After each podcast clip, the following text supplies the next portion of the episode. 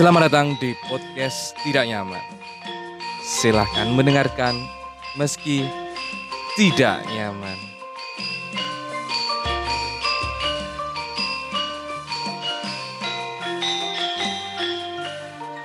Iya, kembali lagi di podcast Tidak Nyaman bersaya Sukmanan Tegar yang akan menemani teman-teman semua untuk menyampaikan eh, perasaan-perasaan tidak nyaman, pikiran-pikiran tidak nyaman dan de kita semua semua kita eh, lampiaskan ke dalam podcast ini agar semua pikiran tidak nyaman lagi bisa keluar dan membuat eh, pikiran kita menjadi lebih ringan ya. Karena yang apa pun itu yang kita hal-hal negatif yang ada di pikiran itu memang lebih baik untuk disalurkan supaya tidak menggerogoti kepala dan pikiran kita dan agar lebih longgar dan kita bisa memikirkan hal lain yang lebih positif dan untuk lebih supaya kita bisa lebih maju lagi ke depan.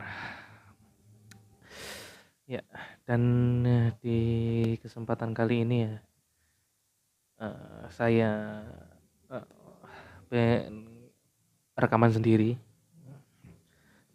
Mungkin memang eh eh, yang episode sendirian itu memang masih sulit ya untuk saya bikin konsisten karena ter terbentur waktu dan kesempatan. Kalau misalnya kebetulan sedang ada kesempatan dan ada yang mengganjal dan harus segera dituangkan ya harus waktunya pas jadi ya bisa segera dibikinkan episode sendiri ya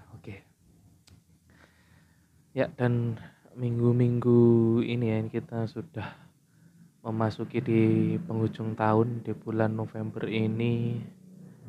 Setelah kita melalui eh, bulan Oktober yang sangat horor ya karena banyak sekali tragedi yang terjadi di bulan Oktober.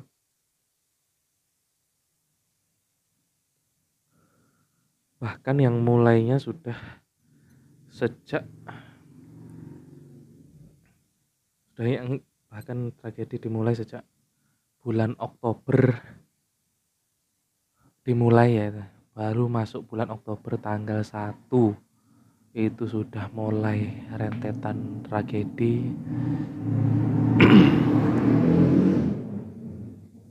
Ya gini nih kalau misalnya rekaman sendiri di pinggir jalan ya di teras rumah. Ngomong di rumah lagi sepi jadi memang kemarin sudah selama satu bulan penuh ya kita eh, menghadapi banyak sekali tragedi-tragedi kemanusiaan di bulan Oktober bahkan sejak memasuki tanggal 1 Oktober. Ya, itu yang mu- dimulai dari insiden tragedi di Stadion Kanjuruhan. Kemudian tiba-tiba ada tragedi lagi. Eh banjir terus apa lagi ya? Dan bahkan di penghujung tahun di penghujung di akhir bulan pun yang ketika sudah yang biasanya orang ini ya eh, Halloween gitu.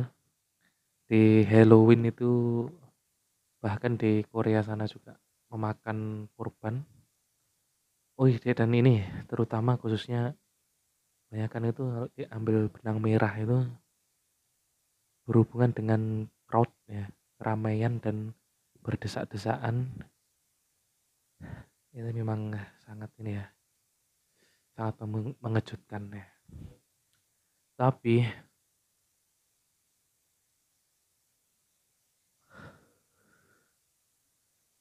di antara kita selalu berusaha untuk mencari secercah cahaya di mana ada tragedi pasti kita ada pasti akan ada apa kalau lagu itu badai pasti berlalu ya. Eh, setelah ada badai setelah ada kesedihan kemalangan pasti akan ada secercah harapan ya kebahagiaan. Ya kita tunggu saja ya. Semoga hal-hal baik akan segera terjadi di hidup kita ini ya. amin. Anji ngomong agak bijak ini terus selain itu bulan Oktober ini ya, eh, belakangan ini sih kita diwarnai banyak sekali perdebatan-perdebatan ya. Bahkan uh, uniknya ini perdebatan-perdebatan ini sangat beragam.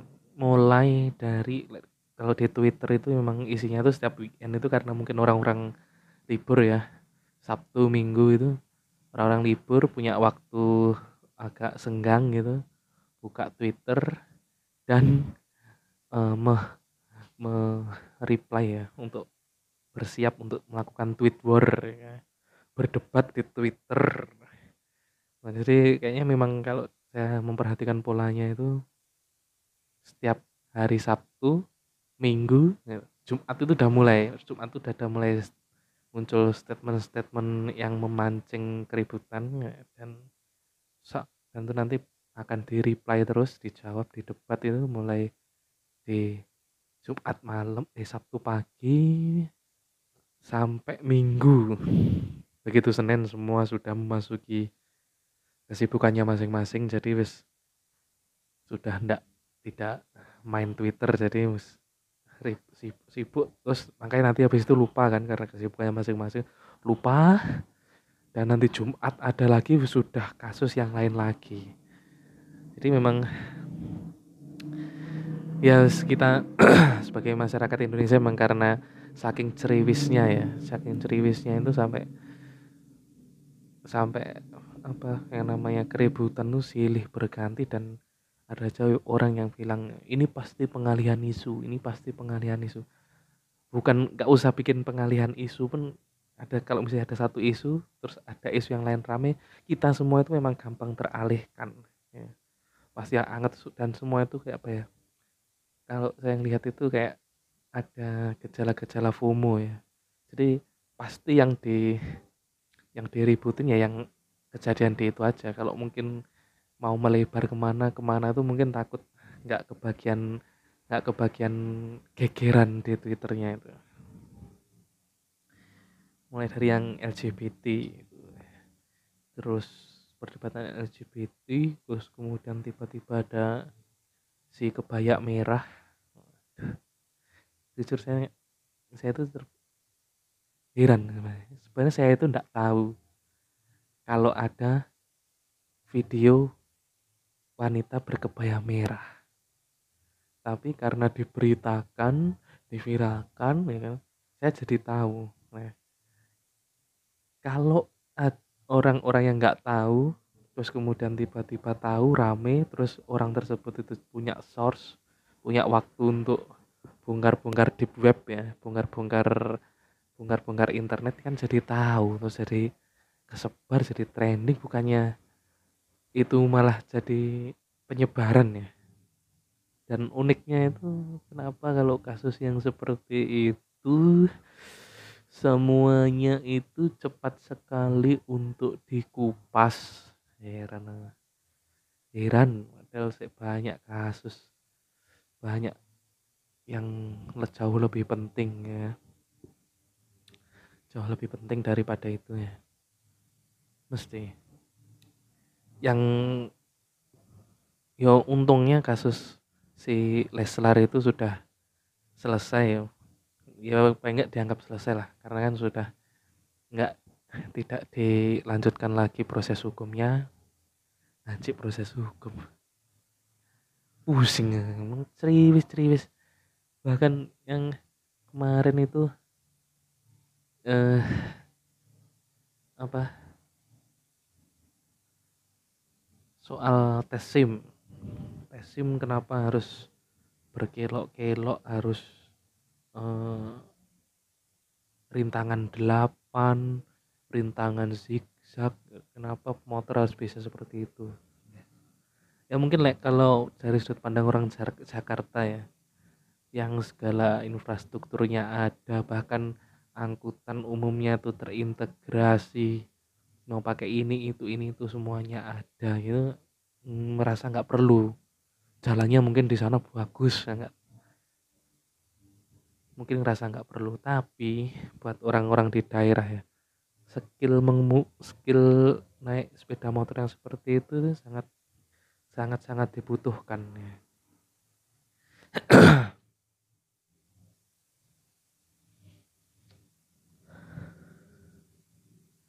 memang sangat-sangat dibutuhkan karena jalan berlubang, paving ompong, eh, polisi tidur yang separuh ya. Ini polisi tidur separuh itu bukan ketinggiannya yang separuh, tetapi panjangnya itu separuh. Jadi nggak nggak memenuhi nggak mengikuti lebar jalan, tapi ada sela-sela sela-sela uh, jalan yang nggak ada polisi tidurnya. Jadi mesti orang itu justru lewat menghindari polisi tidurnya sih. Seliut ya, pasti itu. Nggak mungkin orang-orang yang sengaja nyikat polisi tidurnya. Terus ada selain jalan berlubang polisi tidur terus kemudian ada pisang yang ditanam ya karena itu sebagai wujud protes biasanya warga sekitar ya. Kalau ada jalan berlubang besar buat nandai sih buat nandai soal tes SIM itu ribut. Angin ribut ya, ya angin ribut minggu lalu di sidoarjo ya sempat ada bencana angin ribut. Air bandang-bandang ya, di Trenggalek itu banjir bandang lah sedih sekali. Kalau sudah hubungannya sama bencana ya. Ya pas suara pelan nggak ya ya pelan aja. Soalnya ini rekaman di teras tidak ada peredamnya jadi dan sudah malam jadi nggak enak kalau misalnya harus teriak-teriak seperti biasa. Tapi memang di akhir pekan ini untung ada sedikit kebahagiaan tentu saja karena Arsenal menang dari Chelsea 1-0 waduh. Saya cukup senang sebagai fans Arsenal ya. Tapi karena saya ini bukan podcast bola ya. Daripada saya aneh-aneh nanti salah ngomong ya saya cuma menyampaikan ke gembiraan saya saja sekilas ya. Nggak usah dibahas soal bola. Terus apalagi ya di minggu ini ya?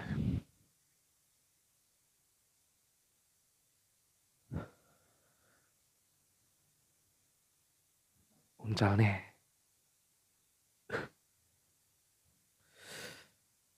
Ya, seperti itu.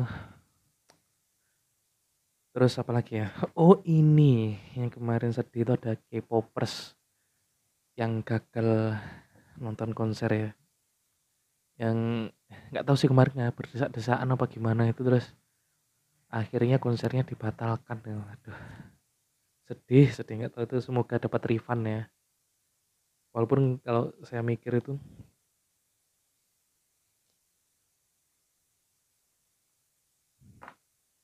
Seharusnya kalau memang fans kalau memang fans itu fans K-pop terutama itu nggak usah nge-refund jadi uangnya disumbang di ini aja. Kita tuntut tuntut promotor supaya untuk uh, mengadakan lagi dalam waktu dekat. Itu lebih baik gitu sih. Kan lebih penting ketemu idol daripada uang kembali kan.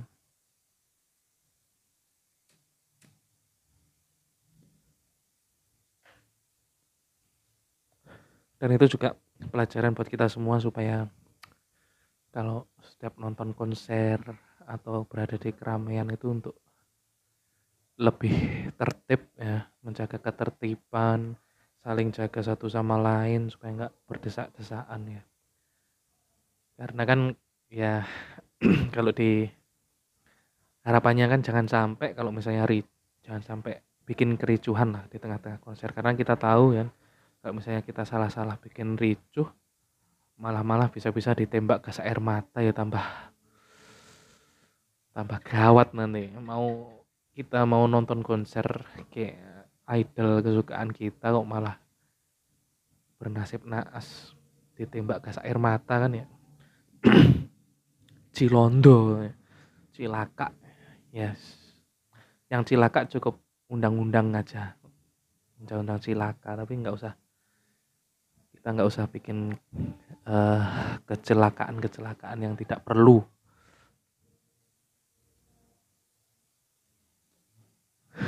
Ya mungkin episode ini agak ngalor ngidul ya karena ngomong sendiri.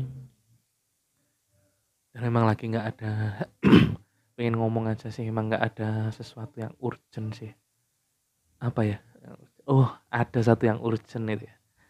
Uh, jangan lupa untuk uh, follow Instagram podcast tidak nyaman ya. Supaya nanti saya lebih semangat kita akan berusaha keras untuk uh, membagikan info-info update di Instagram podcast tidak nyaman ya. Uh, bikin postingan yang lebih banyak lah. Kita naikkan Instagram podcast tidak nyaman. Dan jangan lupa dukung kami uh, dengan mentraktir kami channel ya melalui melalui platform traktir ya. Linknya sudah ada sih pasti di ada link di Spotify. Saya bikin linknya bisa itu bisa diklik langsung di deskripsi.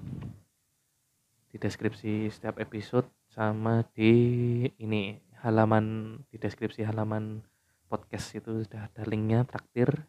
Di Instagram juga sudah. Uh, mungkin ini ya isi mungkin bionya oh ya di link di link di bio IG itu juga ada traktir kami channel ya jangan lupa. Untuk mendukung supaya bisa terus mendapatkan izin dari istri um, agar tetap menyuarakan ya, ketidaknyamanan ketidaknyamanan kita di sekitar kita ya. Dan kalau misalnya pengen apa sih pengen sesuatu yang dibahas di podcast tidak nyaman misal punya ketidaknya mempunyai keresahan atau nggak usah sampai resah sih. Ada hal-hal yang tidak nyaman di sekitarmu terus uh, pengen kita untuk mewakilkan agar kita ucapkan gitu kita sampaikan ya. Bisa komentar di bisa DM di IG komentar apa pun itu. Kalau di noise kan ada kolom komentarnya itu. Kalau misalnya mendengarkan di noise please komentar lah apa pun itu misalnya kritikan atau minta request apa pun itulah. Biar kita itu bisa uh, apa ya bisa lebih berkembang bisa ada pembahasan yang yang ingin dibahas itu apa itu itu bisa lebih memudahkan kita ya kan. Kita bisa uh, berinteraksi. Waduh berinteraksi. Dan oh ya yang terbaru ini kemarin ini soal uh, Ibu Menkeu kita Ibu Sri Mulyani uh, uh, yang berwacana itu ber, sudah berwacana apa sudah ada kebijakannya ya untuk meningkatkan cukai rokok ya. Kalau saya sendiri sih ya pribadi sih setuju ya. Uh, cukai rokok ditingkatkan toh gini. Kalau misalnya memang mau merokok ya mau merokok. Rokok itu kan sekarang tuh alternatifnya sudah banyak ya. Mau yang murah mau yang murah atau mau yang sampai yang mahal kan ada ya. Kalau memang sudah candu ya candu aja. Pasti ya gini kalau misalnya harga rokok mahal ya bukan uh, si itu bukan artinya itu. Terus ada kita harus marah-marah. Itu ada dua pilihan sikap eh, yang bisa kita lakukan untuk menghadapi kenaikan cukai rokok yang sudah pasti dampaknya akan ke ini berdampak kepada harga-harga rokok ya kan sudah pasti itu nah, yang sudah pasti berimbas dengan kenaikan harga rokok. Nah, itu ada dua yang bisa kita sikapi. Yang satu adalah yang pertama adalah berhenti merokok, itu yang cara paling gampang ya. Berhenti merokok. Yang kedua yaitu bekerja lebih keras dan meningkatkan pendapatan. Untuk bisa merokok lebih banyak. Nggak perlulah marah-marah. Kayak mikirin apa? Petani tembakau. Ya kejauhan mikirin tetap petani tembakau. Seorang perokok untuk memikirkan petani tembakau itu masih terlalu jauh untuk seorang perokok itu. Karena apa karena petani tembakau itu pasti sudah punya pengetahuan punya pengalaman bahwa tembakau itu tetap bisa diserap ya. Tembakau tetap bisa diserap. Dan kalau misalnya lagi kalau misalnya sudah nggak uh, visible untuk bikin untuk menanam tembakau kan tinggal menanam yang lain. Kan sesuatu yang simpel sebenarnya. Terus petani juga sudah bisa mikir sendiri kok, nggak nggak nggak perlu rembuk dari protes dari perokok untuk untuk apa berhenti untuk, untuk mengasihani. Nggak usah. Pemerintah punya ke wis pemerintah itu punya data punya sumber daya semacam segala macam itu. Jadi bahwa me, menaikkan cukai rokok itu sangat memungkinkan itu wis enak ciri-cirane harus ora usah bingung mikir nih tani rok tani baku pikir no pendapatanmu kamu sih cukup gak ke ngerokok lek pengen lanjut rokokan. Ya kan pikir iku. Tadi sing mbok pikirin lek pengen tuku rokok larang ya to. Iso tuku rokok luwih murah ya sing linting dhewe ya kan. Itu sebenarnya kan kalau atau mungkin beralih ke kretek-kretek lokal ya kan. Untuk menciptakan lokal heroes kan banyak di kabupaten-kabupaten itu kan lokal heroes kan banyak. SKM kan ada dua SKM dan SKT sigaret kretek mesin dan sigaret kretek tangan ya Nah justru yang disupport tuh yang sigaret kretek tangan itu karena itu kan industri padat karya kan. Karena dibuat dengan keterampilan tangan yang itu dilinting sendiri-sendiri itu. Kalau mau tetap yang rokok industrian oh yang atau yang merek-merek UMKM itu kan banyak bisa beli yang itu. Atau bahkan kan juga ada alternatif uh, rokok linting DW itu kan juga banyak. Gak usah bingung gak usah berdalih. Ya kalau misalnya uh, protes cukai rokok naik tapi yang di uh, jadikan tameng itu petani tembakau itu sudah pasti bisa disinyalir bahwa Anda merupakan buzzer buzzer industri rokok. Karena bagaimanapun kan cukai naik harga rokok tinggal naik kan beres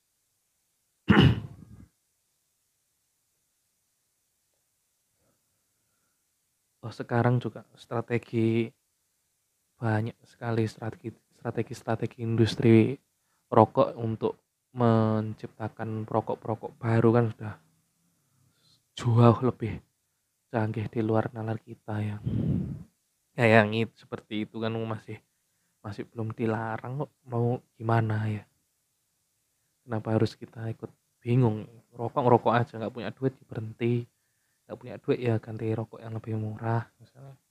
Sambil berpikir bagaimana caranya untuk bekerja lebih keras supaya bisa tetap merokok ya. Wah sebenarnya kalau misalnya kan butuh nikotin ya misalnya butuh nih kan bisa juga petani tembakau itu tembakaunya diserap ya kan. Tetap ada industri diserap serap industri diekstrak dan bikin ini nikotin pads. Nah, nikotin pads itu kan juga ada di Inggris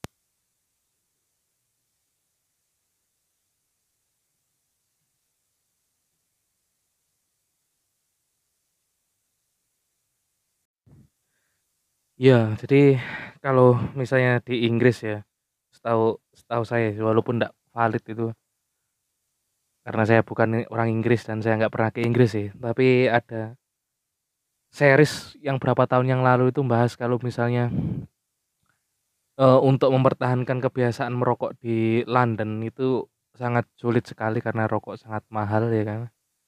Jadi uh, mereka alternatifnya tuh pakai nikotin pads ya kan, nikotin pads itu kayak koyok, koyok nikotin gitu terus tempelkan gitu. Ya saya kurang tahu sih nama juga series itu fiksi apa bohongan atau beneran ya kurang valid sih kalau saya ngomong. Tapi kan sebenarnya alternatif itu selalu ada dan disrupsi itu kadang-kadang mendorong untuk, uh, adanya alternatif-alternatif baru ya. Dengan adanya satu disrupsi mulai bisa dari kebijakan, bisa teknologi dan macam-macam. Eh, siapa tahu dengan, uh, siapa tahu dengan naiknya cukai tembakau terus jadi mendorong untuk apa uh, cimeng bisa beredar mungkin mungkin ya, mungkin cimeng. Bukannya kalian lebih suka cimeng daripada, uh, tembakau ya? Ya yes, itu apalah, alternatif-alternatif untuk madat itu kan banyak. candu itu banyak pilihan, gak usah bingung. Kan sebenarnya yang dicari kan cuma yang legal kan, karena legal karena rokok rokok kan sudah legal berpuluh-puluh tahun per, uh, negara merdeka ini kan itu kan masih legal kan, jadi mungkin itu sih yang diabotin itu karena udah kadung legal. Ya kan ada pilihan yang lain nih kan, alternatif lain pasti ada.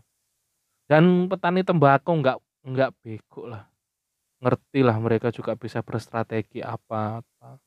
Pasti ada penggeraknya di kelompok tani tersebut, pasti ada uh, pemuda lulusan sarjana teknologi pertanian yang bergelut di bidang tersebut terus menghadapi hal-hal seperti ini kan harus berstrategi seperti apa, apakah harga uh, daya serap tembakau panenannya itu uh, yang diperlukan yang seperti apa. Kalau misalnya perlu dirajang tembakau kering yang sudah rajang misalnya uh, yang lebih disukai atau misalnya misalnya suatu ketika mereka di uh, ternyata ndak harganya sama biaya produksinya tuh ndak nyucuk itu mereka harus gimana atau waktunya beralih kan juga pasti ngerti lah seorang perokok nggak usah bingung-bingung apa gimana nasibnya petani tembakau bla bla bla bla bla. Bla bla yes wong mikir sambil ngudut kok angel-angel wong yo ah, ujungnya juga nggak bisa melakukan apa-apa terus aduh gerak apa turun ke jalan apa apa dampaknya aja belum tahu efeknya seberapa dan kita itu kan sudah terbiasa untuk menghadapi menghadapi regulasi yang kadang-kadang memberatkan kita atau apa dan kita selalu bisa menemukan celah dan kesempatan di balik kesulitan kan pasti bisa ya untuk survive itu pasti bisa. Jadi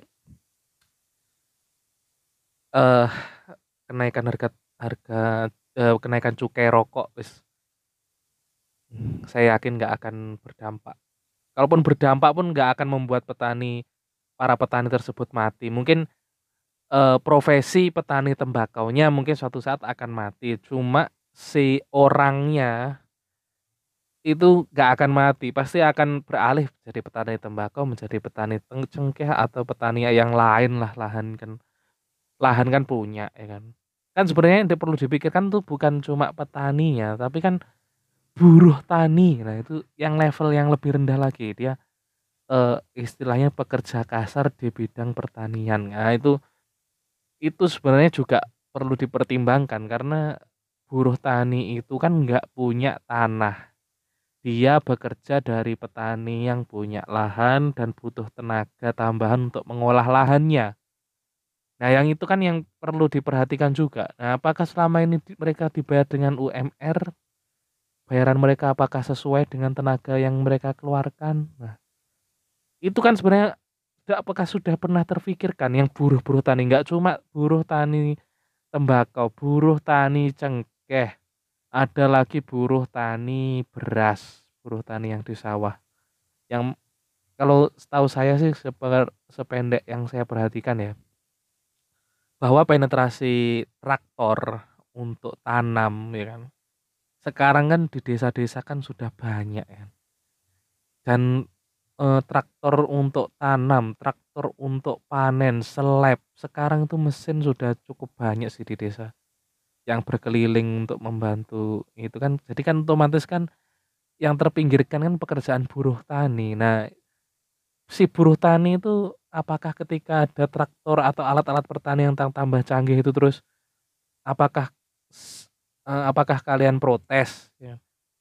Padahal kan kita perlu soal produktivitasnya. Ya jadi kan pasti kan mereka juga beradaptasi dengan kemajuan teknologi yang bahwa uh, si buruh tani tersebut tenaganya sudah tak lagi diperlukan untuk seperti itu kan mereka dia pasti alih daya jadi jadi yang bagian ngangkut karung ngangkut apa gitu kan jadi kan pasti ada aja pekerjaan apa ya pekerjaan bukan cuma pekerjaan tapi alternatif itu selalu ada. Jadi kita kemampuan beradaptasi kurang berpikir itu oh, jangan diremehkan gitu loh. Kalau misalnya kamu bilang oh, karena ada satu kebijakan terus begitu langsung mati ya emang dikira bego emang nggak bisa bekerja selain itu.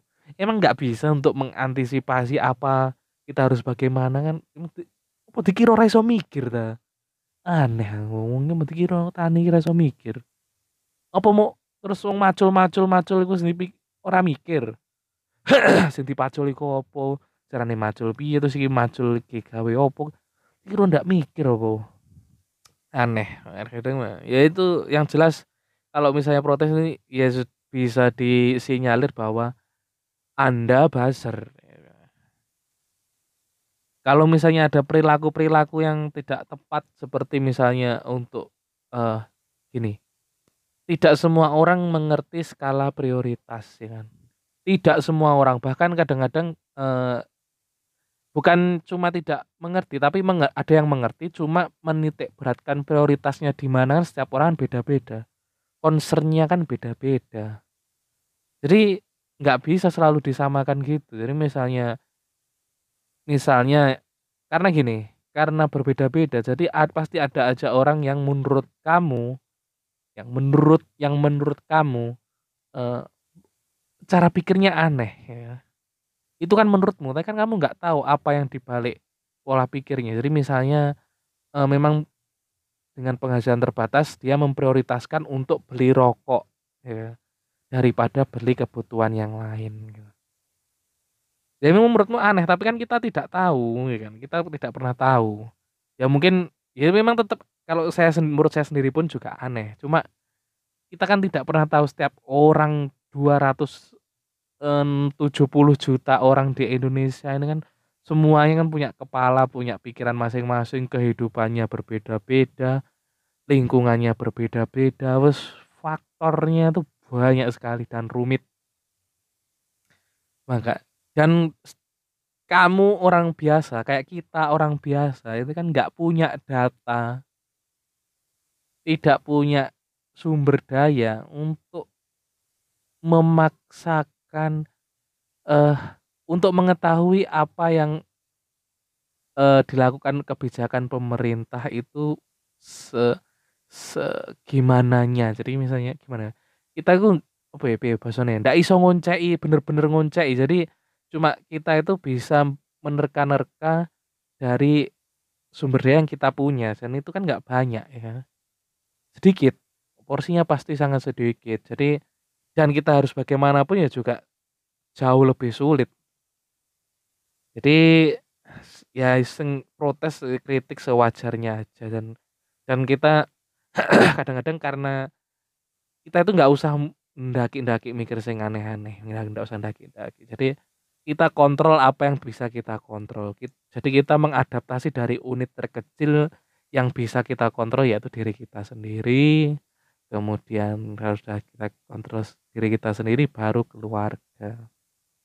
Jadi sebenarnya ada dua sikap eh, bagi para perokok yang bisa ada dua pilihan sikap yang bisa kita dilakukan oleh para perokok. Yang satu yaitu berhenti merokok yaitu yang paling mudah yang paling mudah yang paling murah dilakukan walaupun mungkin prosesnya ya nggak mudah juga tetapi yang paling gampang. Yang kedua, eh, bekerja lebih keras untuk dapat uang lebih banyak supaya tetap bisa merokok. Nah, nah jadi pilihan pilihan itu ada dua. Jadi kerja kita mau kerja keras mana? Kerja keras untuk cari tambahan uang atau kerja keras untuk berhenti merokok. Nah, kalau nah gitu. Kalau kalau yang saya pikirkan dengan kalau misalnya bekerja keras untuk berhenti merokok, kita bisa dapat double benefit sudah berhenti merokok, jadi kita bisa dapat tambahan uang, tambahan alokasi untuk yang lain. Tapi mungkin kita pendapatan bulanan misalnya untuk yang karyawan mungkin gaji tetap gitu ya. Tapi paling tidak ada yang bisa dialokasikan untuk hal lain. Kalau yang kedua kalau misalnya bekerja keras untuk mencari tambahan, ya kita harus bekerja keras, jauh lebih keras. Bekerja misalnya eh, cari pekerjaan sampingan, atau apalah apalah apa ya yang cari pekerjaan sampingan dari kalau sudah punya pekerjaan tetap cari pekerjaan sampingan kalau freelance dia cari job-job tambahan menambah jam kerja kurangi kemalasan kurangi rebahan untuk bisa merokok sambil bekerja ya. simple kan sebenarnya dua solusi itu nggak usah ngurusi pemerintah biarin karena biar bagaimanapun mau dengek dengek bengok bengok protes bla bla bla bla bla le orang biasa ya kan. Ya orang biasa yang bisa dilakukan ya cuma mengontrol apa yang diri kita sendiri. Kecuali misalnya punya atau misalnya gini kalaupun tetap berjuang mengkritik ya kan? Oke. Tapi kan setelah mengkritik apa yang kita lakukan? Kan ya tetap juga bekerja juga kan sama aja juga juga beradaptasi juga. Jadi apakah kita terus mengkritik terus berhenti misal bilang ngomong tok terus sebat dua dua bat terus nge berargumen terus setelah berargumen itu apa terus? Selama setelah kita menung berargumen kan setelah berargumen kan belum tentu argumenmu diterima terus kebijakan perubahan? Tidak. Selama proses itu kan juga sih aturan kebijakan yang sudah yang kita protes kan masih berjalan. Nah selama berjalan kan kehidupan kita tetap berjalan ya. Ya nggak bisa juga seperti itu. Jadi kan ya ya lek bahasa Jawa nih ya selot-selot lah ya kan? Jadi nggak usah daki-daki ya bekerja ya bekerja lek misalnya tetap rumit ya kita kontrol kontrol apa apa yang bisa kita kontrol ya. Dan tentu saja kembali lagi kita lebih baik uh, mengingat lagi lagu lagu yang viral di bulan Agustus lalu ya. Jadinya akan viral tentu saja. Ojo dibanding guys, nggak usah dibanding-banding. Wong kong ini kok dibanding-banding ke saing saing ke yo mesti Jikalau wo wo tak oya oyo mampu. Wong saku aku ngutut ngutut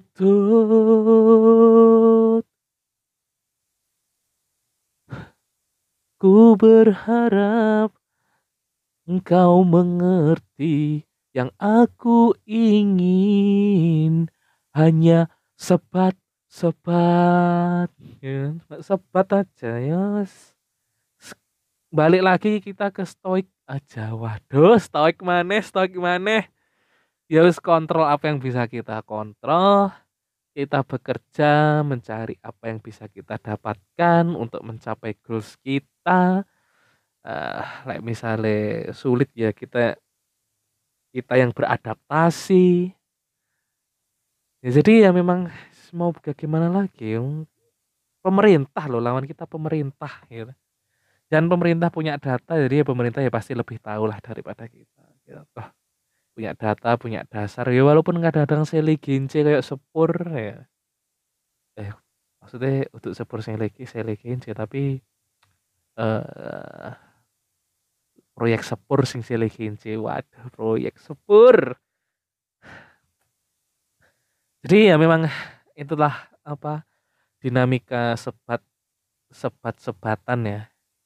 Dan bukankah kita eh, lebih senang kalau kita bisa support uh, produk lokal kan, lokal heroes kan pasti ada ya. Setiap daerah pasti ada uh, pabrik rokok level IKM ya, industri kecil menengah yang mempekerjakan uh, mungkin buruh-buruh rokok yang sudah pensiun dari rokok besar terus cari uh, kegiatan atau ompen karena masih pen sudah usia pensiun tapi uh, sudah dipensiunkan oleh perusahaan rokok yang besar terus pengen cari tambahan lagi mungkin karena usianya masih cukup kuat masih bisa produktif terus kan pasti diperkerjakan itu di yang di uh, pabrik lokal itu kan juga membantu sebenarnya Oh cukainya lokal sama cukainya yang industri kan levelnya beda, yang level sudah nasional bahkan internasional, ekspor kan sudah beda.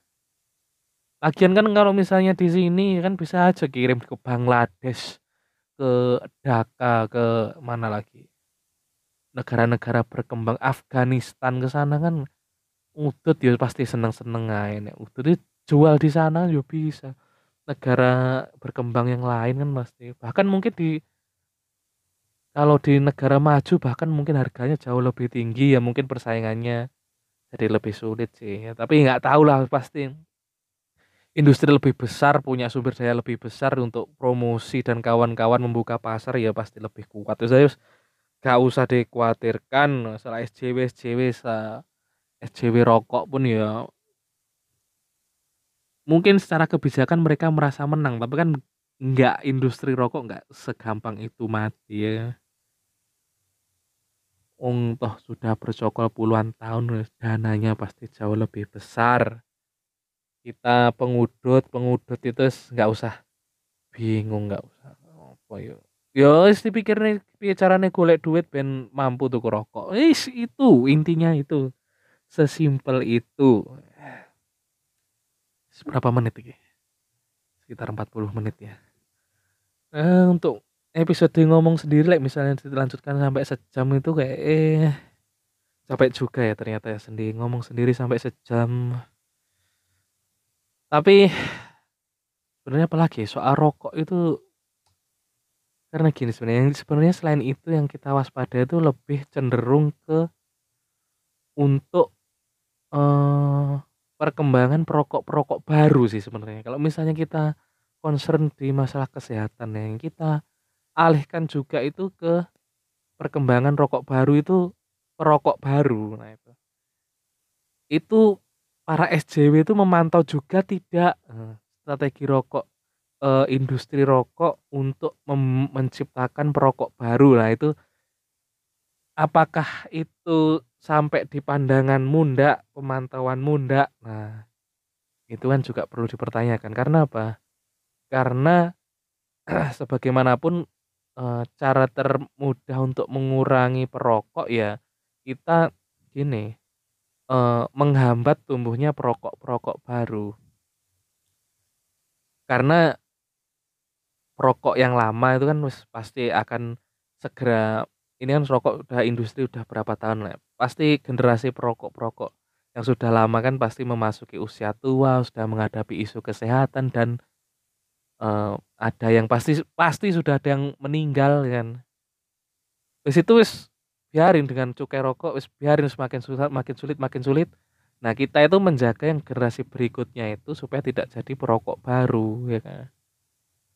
Nah, itu juga lebih rumit lagi karena gimana ya? Kadang-kadang uh, substan yang di can di dalam candu itu kan merupakan substan yang kadang-kadang digunakan sebagai pelarian, nggak cuma pelarian sih, apa ya, misalnya stress release lah.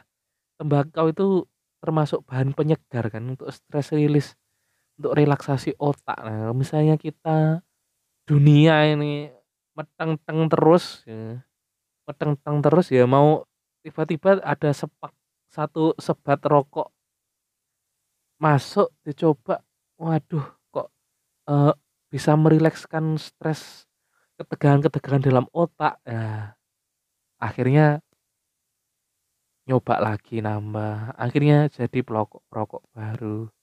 Bahkan inovasi yang sekarang pun rokok kan juga sudah mulai ada rasa-rasa dan harganya yang ada rasa-rasa pun juga lebih murah sekarang. Nah yang seperti itu kan juga perlu diwaspadai. Nah itu itu masuk ke radar tidak gitu. Dan anak-anak yang sudah terlanjur umur jadi perokok baru lek mbok celatu carane mbok celatu yo tambah ngudut, tambah waduh nih kena celatu rek ngalor ngidul ya wis lah aku tak ngudut ae lah. Stres aku celatu stres. Udah kayak lingkaran setan akhirnya. Di celatu stres ngudut. Ngudut di celatu. Di celatu stres ngudut. Ngudut stres celatu celatu stres ngudut. Ah, nggak akan selesainya. Jadi memang harus edukasi. Wis itu ngantek lambemu mimiren sampai ngiler-ngiler sampai bosone sampai ngeweh-ngeweh ya. Edukasi dan karakter itu penting. Sih memang menciptakan orang sini. Kalau berkarakter orang anak-anak berkarakter itu akan punya pendirian. Kalau punya pendirian punya stance pasti punya kemampuan untuk berargumentasi untuk menjaga dirinya agar tetap berada di prinsip yang hidup yang dia temukan. Nah, itu hal-hal yang sangat rumit dan itu menempa itu itu nggak ada. Di sekolah itu nggak ada penempaan soal karakter. Karakter itu nggak ada. Kadang-kadang pas proses sekolah itu ditempa pas lulus itu baru berapa tahun kemudian baru menemukan jawabannya dari tempaan itu. Jadi jadi kayak sudah terlanjur dewasa udah terlanjur kenal macem-macem di usia krusialnya. Jadi kalau misalnya memang sejak sejak dini itu sudah diajarkan untuk punya karakter waduh daki-daki daki-daki ya intinya karakter itu penting kalau misalnya sejak awal udah punya karakter mau bergaul dengan teman-teman bagaimanapun dan masing-masing punya karakter punya dan saling respect terhadap karakter masing-masing itu itu satu circle anak itu pasti gak akan mudah pengaruh dan mempengaruhi karena mereka semua saling mengerti batasan saling mengerti uh, yang namanya prinsip dan tidak akan ceritanya paksa memaksa. Mungkin bully tetap ada ya bully. Bully akan tetap ada, mungkin tapi bentuknya mungkin akan berbeda dan dan akan jadi lebih respect. Jadi misalnya ceng-cengan, levelnya mungkin bully akan di level ceng-cengan sekedar ceng-cengan aja. Jadi memang yo seperti itulah dinamikanya. Dan tidak akan merokok. Jadi kalau misal jadi narkoba itu kan mod mainnya kan mainnya kan, uh, underground kan. Karena karena misalnya mungkin gini, anak takut nar udah mulai banyak anak yang takut terkena narkoba sekarang. Nah karena narkoba takut karena narkoba itu karena apa pertanyaannya? Apakah karena memang dia tidak tertarik atau karena narkoba itu ilegal? Kan pertanyaannya ini tuh. Kalau misalnya karena narkobanya ilegal kan mereka pasti akan mencari alternatif ke yang legal. Minum miras, mabuk, bisa juga mabuk, bisa juga merokok yang lebih murah yang lebih simpel. nah, itu akhirnya muncul lagi perokok baru di usia muda. Nah, itu masuk ke radar tidak para pejuang-pejuang anti rokok. Kalau misalnya mau memperjuangkan untuk memberhenti rokok kan seperti itu. Jadi misalnya sing wis kadung wis biarin kadung wis biarin wis gak ada cara untuk menghentikan orang yang merokok eh sudah puluhan tahun kalau tidak dari dirinya sendiri di situ yang jadi memang kadang-kadang orang nggak dibenturkan sama kondisi misalnya sakit atau apa ya mungkin nggak akan pernah berhenti merokok oh misalnya dia yang sudah tua "Eh, saya sudah tua tapi saya masih merokok masih tidak masalah tuh masih sehat-sehat aja." Ya itu kan nggak masalah kan bisa seperti itu. Mau ngomong apa? Mau faktanya seperti itu. Jadi ya daripada jadi perdebatan ah, panjang lebar yang bahkan akan lelah ya lebih baik kita memak lebih baik kalau SJW itu anti rokok itu lebih baik ke memegari agar di generasi berikutnya itu tidak ada perokok baru. Ya seperti itu. Ya lumayan panjang ya untuk uh, podcast tidak nyaman yang mau membahas soal rokok merokok ini ya. Tapi jangan lupa ya tentu saja jangan lupa saya kembali mengingatkan untuk follow Instagram podcast tidak nyaman ya. Podcast tidak nyaman ya tulisannya podcast tidak nyaman uh, digandeng tidak nyaman untuk uh, terus update di update info-info baru di Instagram walaupun apa ya, ya saya berjanji akan lebih konsisten untuk posting lagi lah. Dan jangan lupa untuk uh, subscribe uh, podcast tidak nyaman yang di noise uh, atau follow uh, podcast tidak nyaman di Spotify.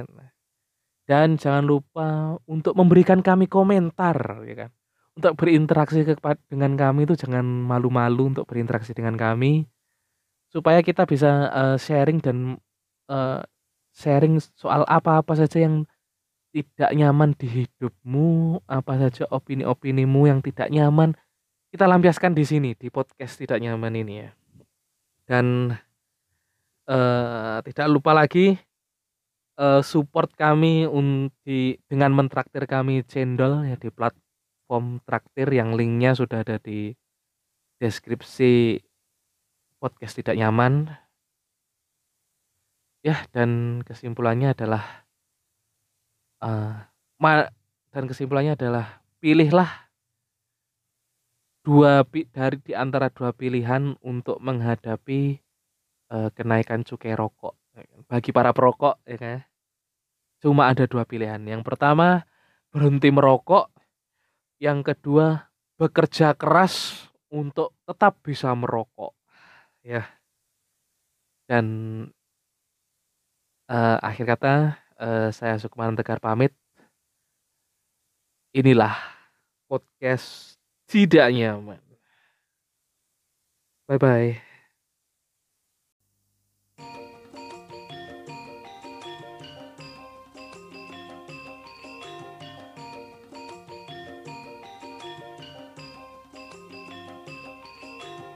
Anda sudah mendengarkan podcast Tidak Nyaman. Saya Sukmanan Tegar, sampai jumpa pada episode Tidak Nyaman berikutnya.